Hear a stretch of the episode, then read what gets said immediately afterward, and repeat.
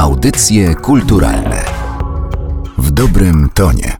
Dzisiaj spotykamy się po to, żeby porozmawiać o folklorze. Folklor w Polsce ma około 200 lat. Początkowo miał charakter niezbyt profesjonalny. Od połowy XVIII wieku do 1895 roku Oskar Kolberg zbierał, wydawał swoje prace. Oczywiście nie sam zbierał, bo miał też pomocników w terenie, bo na tym też opiera się właśnie praca folklorysty, że ma swoich ludzi, których wysyła w określone miejsce i którzy przynoszą mu informacje, a on je w jakiś sposób tam obrabia chcielibyśmy powiedzieć o stuleciu folkloru. Rzeczywiście może być to interesująca data, ze względu na to, że od tego momentu folklor troszeczkę zmienił swój charakter. Przestał tworzyć naród, a zaczął zastanawiać się sam nad sobą. W tym sensie, że akademiccy profesorowie zaczęli rozważać, czymże ten folklor jest. Bo z angielskiego wiemy, że folk to lud, a lore to wiedza. No i tutaj rozgorzały właśnie dyskusje, której owocami jest m.in. słownik etnologiczny, przeróżne rozprawy Juliana Krzyżanowskiego, czy bardzo mądre, jeszcze przed wojną wypowiedziane słowa Stefana Czarnowskiego o tym, że folklor to nie tylko i wyłącznie, tak jak wcześniej myślano, wiedza ludu, ale ludu ograniczonego do pewnego środowiska i w tym przypadku wiejskiego, chłopskiego,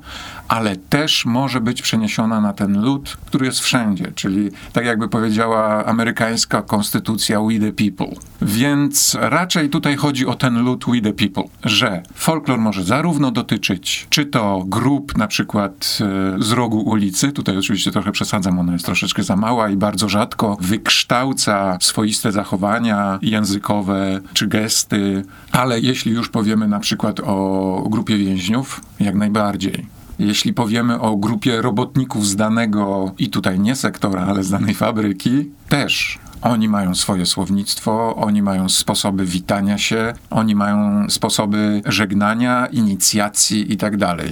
Nie wiem, czy Państwo oglądają od czasu do czasu na przykład mecze koszykówki, najczęściej te z Ameryki. Jeśli Państwo widzą, jak witają się albo jak cieszą się koszykarze NBA, tutaj można troszkę zaczerpnąć właśnie z wiedzy folklorystycznej po to, żeby zanalizować to zachowanie. Tym niemniej wróćmy do tych zagadnień i problemów związanych z folklorem i z określaniem folkloru. Bo ja tutaj, mówiąc Państwu o przykładach, wymieniłem zjawisko językowe, ale wymieniłem też gest. Natomiast folkloryści bardzo radykalni uważają, uważają, że folklor to jest literatura ustna. Tutaj nie chodzi o przekaz w sensie, że coś jest napisane i to już dyskwalifikuje, tylko chodzi o to, że jest to rodzaj nauki i przekazu ustnego. To może być gdzieś spisane. Tym niemniej przekaz nie następuje poprzez to, że ja to czytam i się dowiaduję, tylko poprzez to, że nie wiem, moja mama mówi mi przepis na zupę z pomarańczy na przykład. Jest jeszcze większe zacieśnienie tego obszaru folkloru do bajek, legend, jakichś powiastek, przysłów. To jest literatura, która jest potem bardzo mocno eksploatowana właśnie przez folklorystów, naukowców. Pieśni ludowe. To wszystko są tematy dla folklorysty bardzo istotne ale jeśli spotkamy folklorystę troszkę mniej radykalnego i tak zogniskowanego na literaturze, wchodzą już te przestrzenie, o których wspomniałem, czyli gest, sztuka, czy nawet, ja bym tutaj chyba nie bał się powiedzieć, sposoby opisywania świata, który mamy dookoła siebie. Bo każdy z nas zrobi to inaczej i folklorysta taki z zacięciem powiedzmy etnograficznym czy etnologicznym będzie umiał odnaleźć przyczyny tego, dlaczego tak to zostało opisane.